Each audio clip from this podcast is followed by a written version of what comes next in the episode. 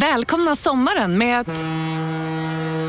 Res med Stena Line i sommar och gör det mesta av din semester. Ta bilen till Danmark, Tyskland, Lettland, Polen och resten av Europa.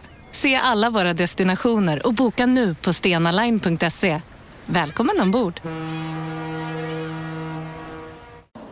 Kolla menyn. Vadå? Kan det stämma? 12 köttbullar med mos för 32 spänn. Mm. Otroligt! Då får det bli efterrätt också. Lätt! Onsdagar är happy days på IKEA. Fram till 31 maj äter du som är eller blir IKEA Family-medlem alla varmrätter till halva priset. Vi ses i restaurangen på IKEA. Demideck presenterar Fasadcharader.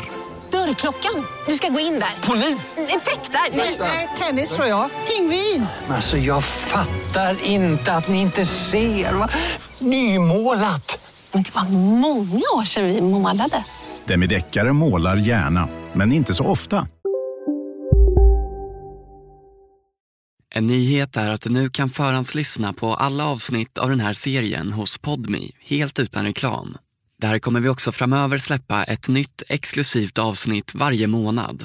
Mer information om detta i slutet av programmet eller på podmi.com. Det har gått ett halvår sedan den 58-årige guldsmeden Ove hastigt avled i sitt sommarhus i Stockholms skärgård. Hans dödsfall skrevs vid obduktionen av som naturligt men hans dotter Louise har inte kunnat släppa känslan av att hela sanningen inte kommit fram. Och nu har känslan vuxit till en tydlig misstanke. Eh, så att jag kommer till polisstationen eh, och det är en vanlig, liksom, vanlig väntrum. Eh, och när det är min tur och så får man komma fram till en liten glasmonter så säger jag att jag skulle vilja sätta mig i ett enskilt rum för att det är en ganska allvarlig händelse som jag vill anmäla. Ja, men vad är det som har hänt? säger hon då. Ja, jag vill anmäla misstänkt mord. Jag heter Karl Fridsjö och du lyssnar på en mörk historia om Svarta änkan. Del 3, Ringar och giftermål. Det händelseförlopp som kommer leda Louise till polisstationen börjar fyra månader tidigare. Jag har jobbat som polis i 22 år och även som kriminaltekniker i många år innan jag gick över till eh, försäkringsutredare. Annika Immelsjö jobbar vid tillfället på försäkringsbolaget If. Det är i början av februari som en kund hör av sig och anmäler att hon förlorat två ringar. Hon hade eh, tagit av sig dem när hon jobbade och lagt dem i byxfickan och sen när hon slutade sitt arbetspass så glömde hon bort att de låg i byxfickan och la sina kläder i tvätten och gick hem. Och sen när hon kom hem så upptäckte hon att hon hade glömt ringarna i byxfickan. Och då var de borta, då hade de åkt iväg till tvätteriet. Eftersom försäkringen är ganska nytecknad och ringarna värdefulla så har skadeanmälan flaggats av de interna systemen. En värdering var på 7000 vill jag minnas och den andra var kanske på 126 eller 125 000. Någonting sånt. Nu ligger ärendet hos Annika och hon vill ta reda på mer om vad som hänt med de försvunna ringarna. Jag vill ju ha en, en tydligare redogörelse för händelseförloppet. Vilken typ av byxor hon hade till exempel och hur, eh, vad hon gjorde efter hon hade upptäckt förlusten. Vilka åtgärder vidtog hon när hon hade förlorat ringarna. Eh, och sen så eh, ville jag kontrollera äktheten på värderingsintyget.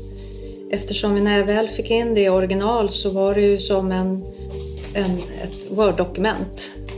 Det var ingenting, ingen stämpel eller så som, eh, som egentligen styrkte att det var en originalhandling i den bemärkelsen. Det var lite tunt för värdet på ringen tyckte jag. Jag ville kontrollera att eh, den som hade skrivit under dokumentet eh, också hade värderat ringen. Hon bestämmer sig för att söka guldsmeden Ove, den person som utfärdat värderingsintyget. Jag kom till en telefonsvarare till en konkursförvaltare som berättade för mig att eh, guldsmeden hade hastigt avlidit. Och hon hade ingen information om värderingen kunde vara eller inte utan hänvisade då till anhöriga. Eftersom Ove precis gått bort får Annika kontaktuppgifter till hans dotter Louise som haft koll på mycket av det praktiska kring butiken och dödsfallet. Eftersom det var ganska tätt in på hennes pappas bortgång så drog jag mig lite för att kontakta henne för jag visste inte riktigt hur det hade gått med sorgarbetet och så. Men då sa konkursförvaltaren att det går nog bra. Du kan nog kontakta henne och då valde jag att göra det via mejl.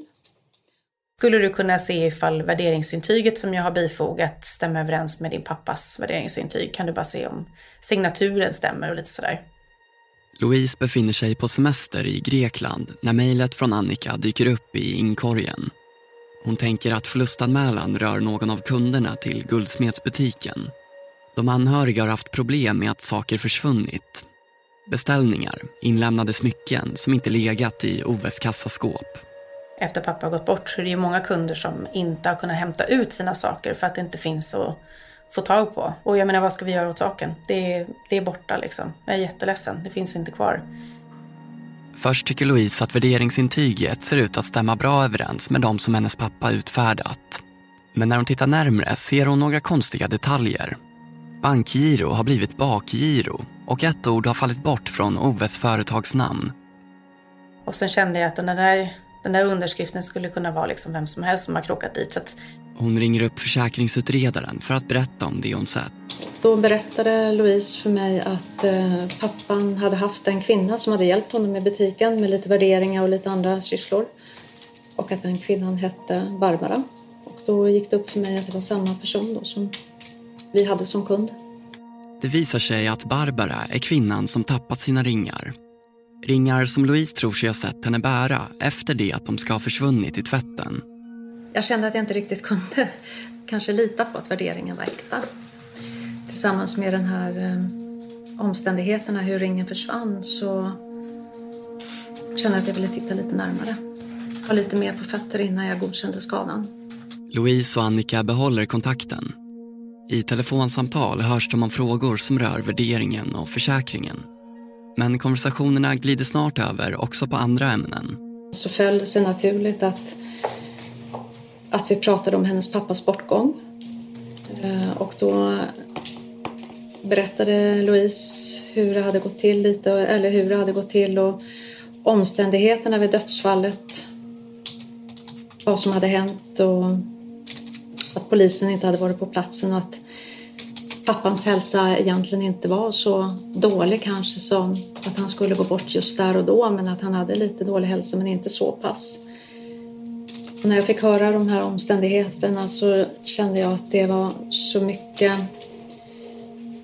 avvikelser i, i beteendet runt en nära anhörig eller en, en tilltänkt som man ska gifta sig med att jag kände att jag hade lite svårt att släppa det. Så att jag eh,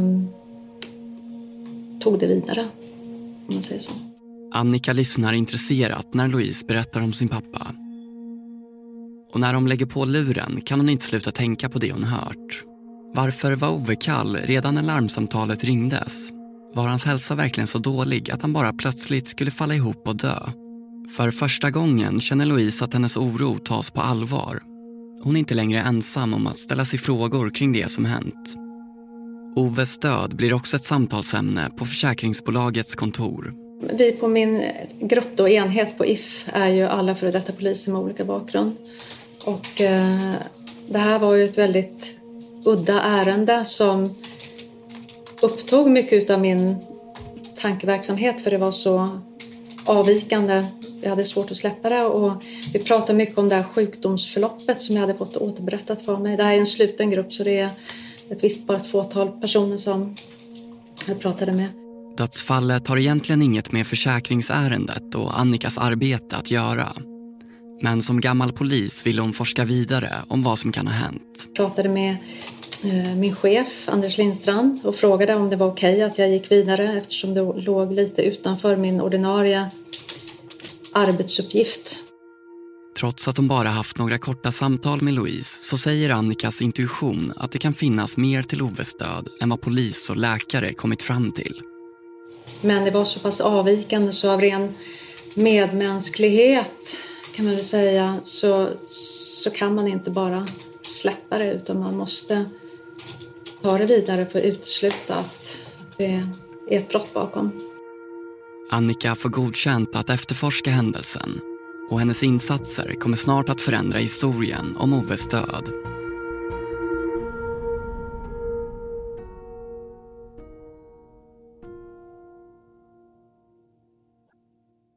I månader har Louise vänt på varenda sten som har med hennes pappas bortgång att göra. Men när resultatet från obduktionen kommer tvingas hon inse att hon inte kommer längre. I rapporten står det klart och tydligt. Omständigheterna talar för att dödsfallet orsakats naturligt till följd av sjukdom. Men under ett telefonsamtal ber försäkringsutredaren Annika om att få läsa rapporten och hon har en annan tolkning av texten. För då hjälper hon mig att tyda det här och så säger hon till mig klart och tydligt att det finns ju ingen entydig dödsorsak. Det står ju klart och tydligt i pappret att det inte finns. Och då måste det ju finnas någonting mer. Annika ber Louise att än en gång ta henne igenom händelsens detaljer. Har du lust? Orkar du liksom? Kan du berätta allting som har hänt?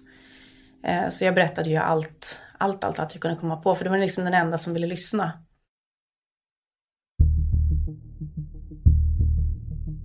Det fanns egentligen ingen entydig dödsorsak. Utan att man hade väl lutat sig på den för att det fanns en sjukdomsbild i botten. Annika ringer upp Rättsmedicinalverket för att fråga mer om rapporten. Vilket, vad jag har förstått på det samtalet jag hade, är lite rutin. Om man inte hittar något annat som sticker ut så kan, lutar man sig lite på den här sjukdomsbilden som finns i bakgrunden. Då. Louise berättelse har väckt en tanke. Kan Ove ha blivit förgiftad? Så jag frågade lite vilka symptom kan vissa gifter ge om man då får dem i sig? Vi pratade lite runt det.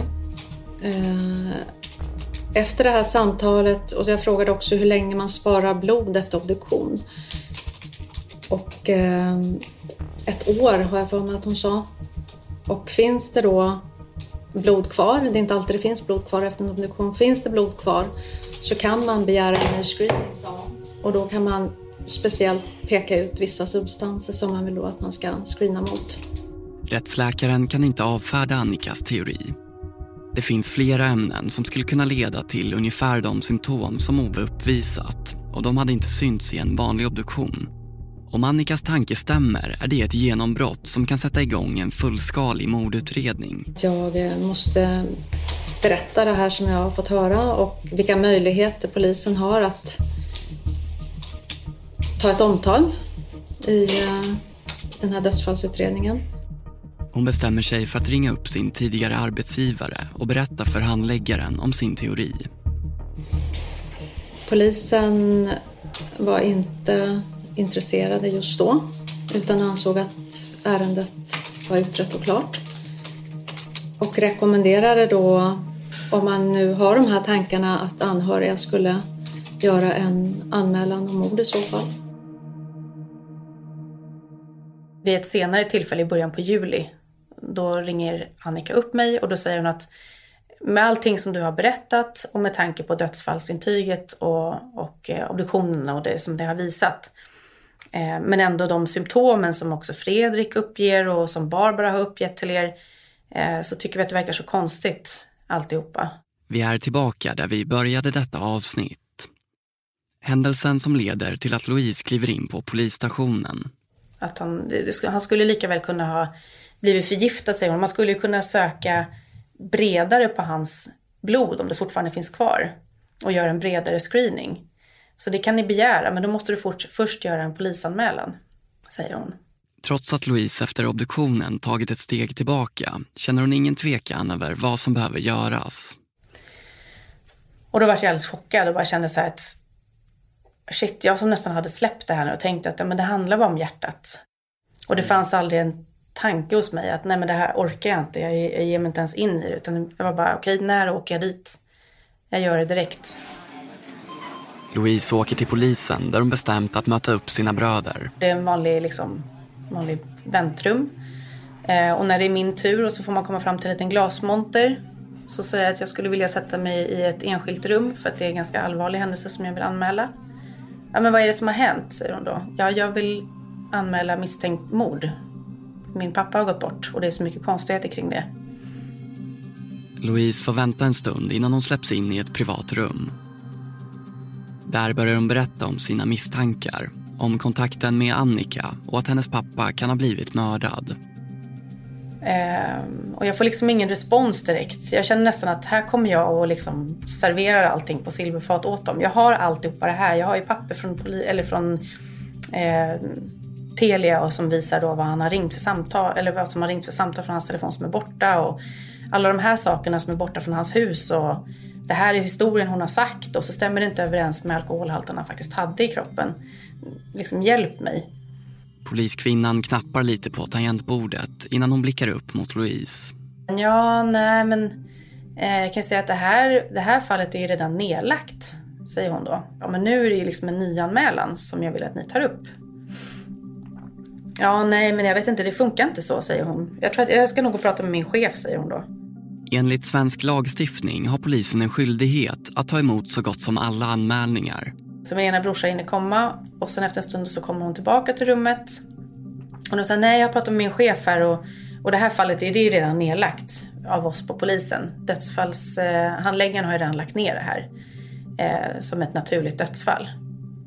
För obduktionen har ju kommit och liksom så. Louise berättar det hon fått förklarat för sig av ex-polisen Annika. Att dödsorsaken inte är entydig och att de är skyldiga att acceptera hennes anmälan. Jag märker på att hon blir jätteobekväm. Hon kan nästan liksom inte svara mig på det här för att nu har hennes chef redan sagt att nej, vi tar inte upp det här mer. Bröderna och Louise är tydliga. Och då säger jag, tänker inte gå härifrån förrän ni tar upp den här anmälan. Och då säger han, ja okej, ja men vi tar upp anmälan då. Vad är det som har hänt? Och då får vi liksom börja om från början och berätta alltihopa. Louise och bröderna börjar återigen gå igenom den bunt av papper hon tagit med sig. Oves telefonlistor, nedskrivna vittnesmål från Fredrik och Alexandra, tidslinjen som hon ritat upp över den aktuella dagens händelser, klockslag, listan på olika gifter som hon fått av Annika. Så hon sitter ju bara och knappar på datorn och sen, okej, okay, nu är anmälan mottagen. Vi kan inte lova att det händer någonting med det här, men nu har vi tagit emot den i alla fall, säger hon. Det blir liksom inget, det blir ingen diskussion eller det blir inga övriga frågeställningar eller det känns nästan som att jag bara pratar mot en vägg liksom. Så att det kändes helt förkastligt när jag gick därifrån. Uppgivna lämnar familjen polisstationen. Nej, men jag tyckte det var sjukt nonchalant. Jag kände nästan som att här kommer jag nästan med lite facit åt er. Det här har ni att jobba på liksom. Jag... Om en yogamatta är på väg till dig, som gör att du för första gången hittar ditt inre lugn och gör dig befordrad på jobbet men du tackar nej för du drivs inte längre av prestation. Då finns det flera smarta sätt att beställa hem din yogamatta på. Som till våra paketboxar till exempel. Hälsningar Postnord. Här sitter jag i en ljudstudio tillsammans med ett sjölejon för att berätta att McDonalds nu ger fina deals i sin app till alla som slänger sin takeaway förpackning på rätt ställe. Även om skräpet kommer från andra snabbmatsrestauranger, exempelvis Eller till exempel Ja, precis. Bara på Storytel. En natt i maj 1973 blir en kvinna brutalt mördad på en mörk gångväg. Lyssna på första delen i min nya ljudserie. Hennes sista steg av mig, Denise Rubberg. Inspirerad av verkliga händelser. Bara på Storytel. Hoppas ju innerligt att de ändå kommer liksom skicka iväg det här eh, liksom frågeställningen eller remissen eller vad jag ska säga om att de ska göra en bredare screening på just de här gifterna som jag då har lagt fram att det här kan ni kolla på, liksom, ni måste begära det. För att vi har också fått information om att blodet sparas bara i ett år. Så att det är lite knappt om tid dessutom. Sommaren 2018 är en av de varmaste som uppmätts i modern tid. Trots en känsla av hopplöshet så släpper Louise inte sina tankar. Hon ringer upp stationen, ligger på, påminner om att de ska skicka iväg en remiss till Rättsmedicinalverket och ta reda på den nya handläggarens namn. Eh, så då får jag namn på en polis som jag kontaktar. Eh, och min tanke är då när jag kontaktar den här polismannen att eh, jag har så mycket information. Jag kan hjälpa dig liksom med att lägga fram allting som har hänt så att det liksom är lite, lite bra start. Så att man får lite glid på hela utredningen så att det kommer igång ordentligt. Eh, och då säger den här polismannen att ja men det där, det, vet att jag har pratat med en åklagare och, och eh, vi tror inte att det här kommer nog inte komma någon vart i alla fall. Ja men så kan du inte säga, säger jag. Vi har inte ens fått något svar från rättsmedicinen. Vi måste ju invänta det först innan vi kan avgöra hur det här eventuellt kan gå i någon rättsprocess eller inte vet jag. Men eh, Det måste vi ju göra först och främst. Ja, och då sa jag, men vad ska, jag, ska jag skicka det då? Eller ska vi ses, liksom ses på ett möte? Eller jag kan lägga fram alltihopa som jag har. All information. Nej, men vet du, jag ska gå på semester nu så jag har inte tid att ta det här nu i alla fall. Louise frågar om det finns någon som inte ska på ledighet som kan arbeta med ärendet. Och då sa han, nej men du kan mejla mig. Du kan mejla mig det du har. Och så kan jag läsa det sen vid, vid tillfälle. Och sen, jag vet inte, det, det är väl inget försvar men jag säga så här, det, det är ju, polisen handlägger ju åtskilliga dödsfall per år och, och eh, om man så att säga varje gång någon anhörig eller bekant skulle tycka att det är något skumt och man skulle dra igång en mordutredning varje gång så det, det går liksom inte utan det måste finnas något, något mer så att säga än, än ordet så att säga. Kenneth Eriksson har varit polis i mer än 40 år och arbetar nu på grova brott i Solna. Han har personligen inget att göra med anmälningsprocessen utan kopplas in först senare. Läkaren som var på plats hon hade ju heller liksom inte från början någon, någon misstanke om att, att det var något konstigt så att säga. Så att hon, hon eh, valde ju heller inte att koppla in polisen så att säga. Det har gått mer än ett halvår sedan Ove begravdes efter ceremonin i Rosens kapell. För att göra den så kallade screeningen efter gifter som försäkringsutredaren Annika tipsat om så behöver det först och främst ha gjorts en obduktion. Så det var ju faktiskt en patolog på Danners sjukhus som, som hörde av sig till polisen och tyckte att det skulle göras en obduktion. För annars är det inte säkert att det hade blivit någon sån heller. Dessutom behöver de blodprover som togs finnas kvar. I Oves fall är de planerade att slängas om några månader. Så att det är ju, det är ju flera omständigheter som gör att vi kommer dit så att säga. Nu kommer svaret Louise och hennes familj väntat på. Rättsmedicinalverket i Linköping konstaterar att Ove inte dött på grund av en hjärt-kärlsjukdom. Han har höga halter cyanid i blodet. Ett extremt giftigt ämne, vanligt förekommande i spänningslitteraturens värld, men desto ovanligare i verkligheten. Det tar vanligtvis ett par dagar att få besked från Rättsmedicinalverket. Men eftersom fyndet är så speciellt ringer läkaren omedelbart upp polisen. Det var ju, var ju för att få igång det så var det helt avgörande. Hade vi inte fått det då, då och hade inte det här blodet funnits kvar så att säga.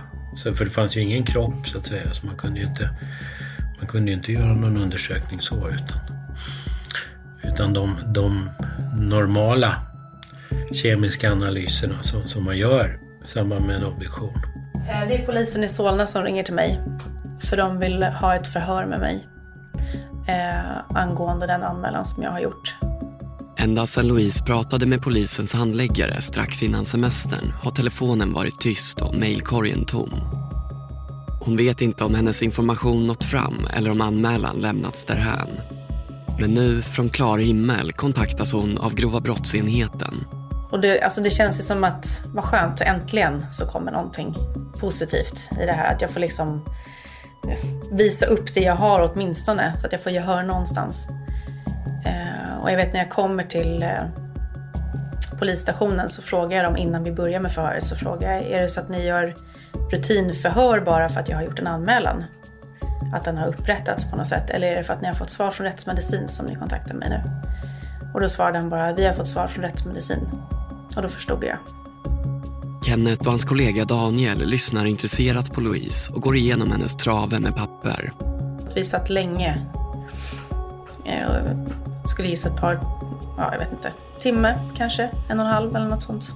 Mm. Och satt och pratade om alltihopa. Eh, och fantastiskt första möte, att jag verkligen känner att nu är det någon som lyssnar på mig på riktigt. Det var jätteskönt. Även om poliserna inte berättar mer än att svaret från Rättsmedicinalverket kommit så förstår Louise att de hittat något. Nu var det en mordutredning som var på gång. Det var ju aldrig någon polispatrull på plats. När Daniel och Kenneth får fallet på sitt bord har ingen polis varit och undersökt sommarstugan på ön. Eh, för att eh, det här var ju uppe i Furusund och Norrtälje där det var inte så stor bemanning så att säga. De, alltså där, där överenskom man ju då med med eh, 112 då, larmcentralen att, att eh, om, det, om man misstänkte någonting så skulle skulle man höra av sig till polisen så skulle de få skicka ut en bil. Men, men det hördes aldrig någonting utan det sköttes då som ett, som ett, ett eh, vanligt, för alla dödsfall. Polisen blir inte inblandad i alla dödsfall. Utan... När mordutredningen nu startar ligger de redan ett halvår efter och har inga konkreta bevis. Ja, det är svårt att göra en brottsplatsundersökning till exempel. Eh, det är svårigheter med det här som Daniel säger, att ta in listor och grejer från telefonbolag. Tiderna har ju gått ut. Eh, så att det är klart att mycket som man normalt gör så att säga om man kommer in på en, på en, på en färsk gärning så att säga, eller något så, så är det ju mycket som, som, kan, som görs då. Va? Eh, så den biten tappade man ju här så att man fick ju... Vi var ju tvungna att få in ganska mycket ah, information från experter om hur cyanid verkar, alltså hur den verkar i kroppen, hur lång tid det tar för att dö, hur stor dos man behöver få i sig. Daniel Josefsson kommer arbeta tätt ihop med Kenneth under utredningen. Cyanid är ett ämne som Ove skulle ha kunnat komma i kontakt med i sitt arbete. Det används nämligen vid förgyllning av guld. De, de spåren vi hade, det var ju som vi sa, det var, det var ju antingen självmord eller att den här Barbara hade dödat Ove. Eller att det hade skett, skett av misstag på arbetsplatsen. Eller att det var någon av grannarna där ute. För vi hade inga uppgifter på att det skulle varit några andra där just då.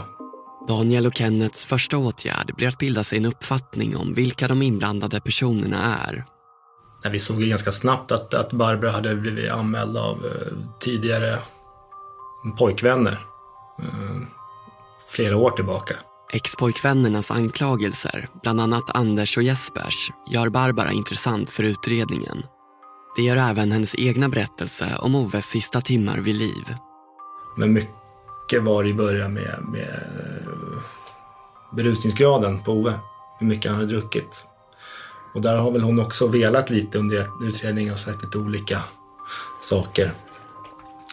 Men vi såg ju i i analyssvaren att han hade inte så hög promillehalt i, i varken blod eller urin.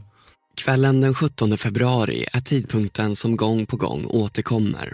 Enligt Barbara ska Ove ha druckit stora mängder alkohol men prover visar att Ove inte varit särskilt berusad. I de flesta europeiska länder hade han lagligt kunnat köra bil. Ja, det, står, det står ju också att, att, att det var 0,47 i, i blodet och 0,49 i urinen. Att det, att det, det är en måttlig, så att säga, ett måttligt alkoholintag. Det var ju en uppgift som hon hade. Att han hade ju liksom ja, druckit alkohol från morgonen i princip och hela dagen. Och, eh, då kan man liksom inte ha ett sånt lågt värde. Klockan 16.14 ringer Ove sitt sista telefonsamtal till grannen Fredrik. Åh, tja, läge? Ja, ska vi kolla bultar eller? Det samtal som av en slump blir inspelat. Ja, nej, men det står redan. Jag tog redan två Vid tidpunkten för samtalet är det drygt två timmar kvar tills Barbara och Fredrik ska bära in Ove till sängen cirka klockan 18.40. Två timmar tills Ove sluddrar och är nästintill medvetslös. Och där, vi har ju aldrig träffat Ove så att säga, men, men vi kan inte... Ja, han låter inte speciellt påverkad och det säger jag även, även Louise och, och Fredrik så att säga, som känner honom. Att, att, att han är inte så påverkad och som han rimligtvis borde vara med den mängden alkohol som hon påstår att han har då druckit under dagen här. Kanon, vi hörs sen. Vi det. Ja. Eh, hon blev ju frihetsberövad i början av oktober och då gjordes en mängd husrannsakningar. Åklagare Madeleine Pettersson beslutar att Barbara ska gripas, delges misstanke om mord och förhöras om händelsen. Eh, men, men sen när hon kom in på förhör så berättade hon ju väldigt vitt och brett om, om hur de hade umgåtts och, och hon placerade ju sig själv där med honom och ingen annan. När Barbara plockas in berättar hon samma historia som hon uppgett för Louise och familjen. Den med motorcykelturen, huvudvärken och alkoholen. Samtidigt utför poliserna en rad husrannsakningar och man börjar hämta in och tömma telefoner och annan elektronisk utrustning. Och sen kan man väl säga att man stod inför ett val där då.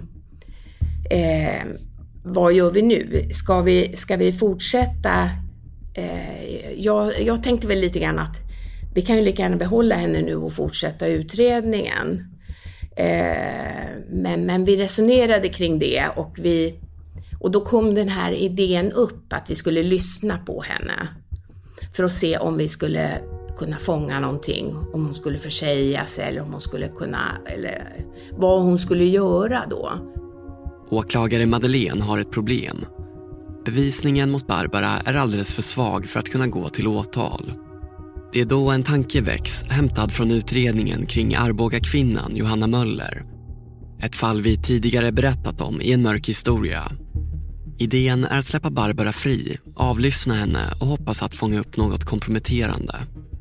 För vi var ju helt bestämda på att hon ska ju in igen liksom. Vi måste, vi måste köra det här i botten och göra allt vad vi kan i det här fallet.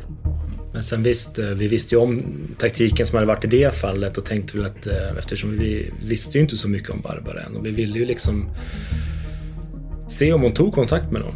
Det är en riskfylld taktik med höga insatser. Men om de lyckas kan de få den där avgörande bevisningen som gör att ett åtal mot Barbara står sig i en rättslig prövning. Vi visste inte om hon hade gjort det här. Hon kanske hade gjort det själv men hade med i samråd med någon annan. Det visste vi inte heller. Vi visste i och för sig inte att hon hade gjort det överhuvudtaget. Vi misstänkte henne. Vi tänkte liksom, vad ska hon ta vägen någonstans om hon skulle fly någonstans? Hon har ju hela sitt liv i Sverige. Hon har ju varit i Sverige sedan, jag tror att det var 97 eller någonting sånt. Men förutom risken att Barbara flyr landet finns det också ytterligare en aspekt att ta hänsyn till. Något betydligt allvarligare. Såg ju det liksom. Vi gick in i, i datan en morgon där och in i ärendet och gick in på hennes eh, sida så att säga och såg då bara att hon hade ett nytt efternamn så vi blev lite förvånade.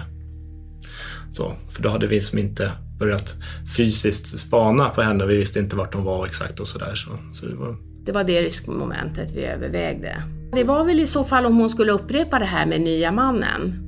Barbara har hunnit träffa en ny man som vi kallar Lars och de ska precis resa utomlands ihop. Där har polisen inga befogenheter att bedriva sin hemliga övervakning. Den nya mannen träffar hon ju på, på, på ett café. Just nu hon sitter och fikar, hon sitter, hon sitter och tittar på honom och så till slut så frågar han om de känner varandra. Kommer hon med någon historia om att hon har varit och föreläst på ett sjukhem där hans mor finns och kanske där, därifrån. Och så där. Det är ju saker som inte stämmer, det vet vi ju. Det tar bara några veckor innan Barbara och Lars gifter sig och äktenskapet känner polisen och åklagare Madeleine till. Men det de inte har någon aning om är det möte som hålls hos Barbaras advokat tre dagar efter giftermålet. Jag förordnar härmed mitt testamente följande om min kvarlåtenskap. Skall med full äganderätt tillfalla Barbara blivande skulle ju enligt testamentet så skulle hon ärva eh, lägenheten för 19 miljoner, Barbara alltså. De känner inte heller till det papper där Barbara kladdat ner några minnesanteckningar de handlar om en lägenhet värd 19 miljoner kronor och om arvsrätt. Högst upp på pappret står det skrivet om Lars dör nu.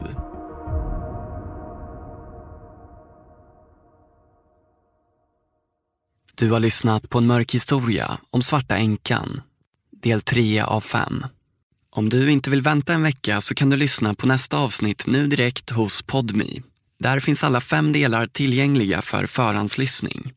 En stor och glad nyhet i samband med detta är att vi från och med den 25 november kommer erbjuda ett exklusivt fall varje månad.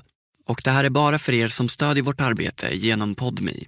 Den första månaden är gratis och du kan avbryta precis när du vill. Vi vill tacka alla er som prenumererat via Acast, men det är inte längre möjligt. Utan flytta över till Podmi så lyssnar ni utan reklam och får dessutom 12 extra avsnitt om året, utöver förhandslyssningen. Ladda ner podmi appen nu direkt. Mer info finns i avsnittsbeskrivningen eller på podmi.com. Svarta änkan är en produktion från Just Stories, producerat av Joel Silberstein Hont och av mig, Karl Fridsjö.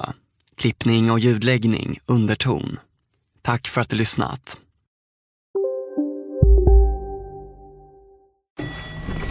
Nej. Dåliga vibrationer är att gå utan byxor till jobbet. Bra vibrationer är när du inser att mobilen är i bröstfickan.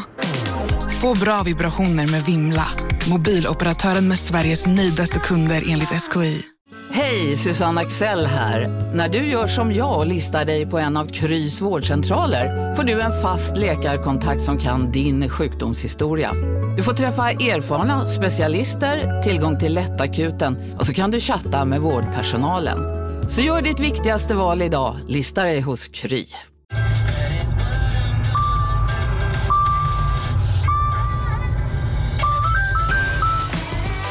Dags att fylla på tanken. Stanna på Circle K så får du 50 öre rabatt per liter på dina tre första tankningar när du blir medlem. Vi ses på Circle K i sommar.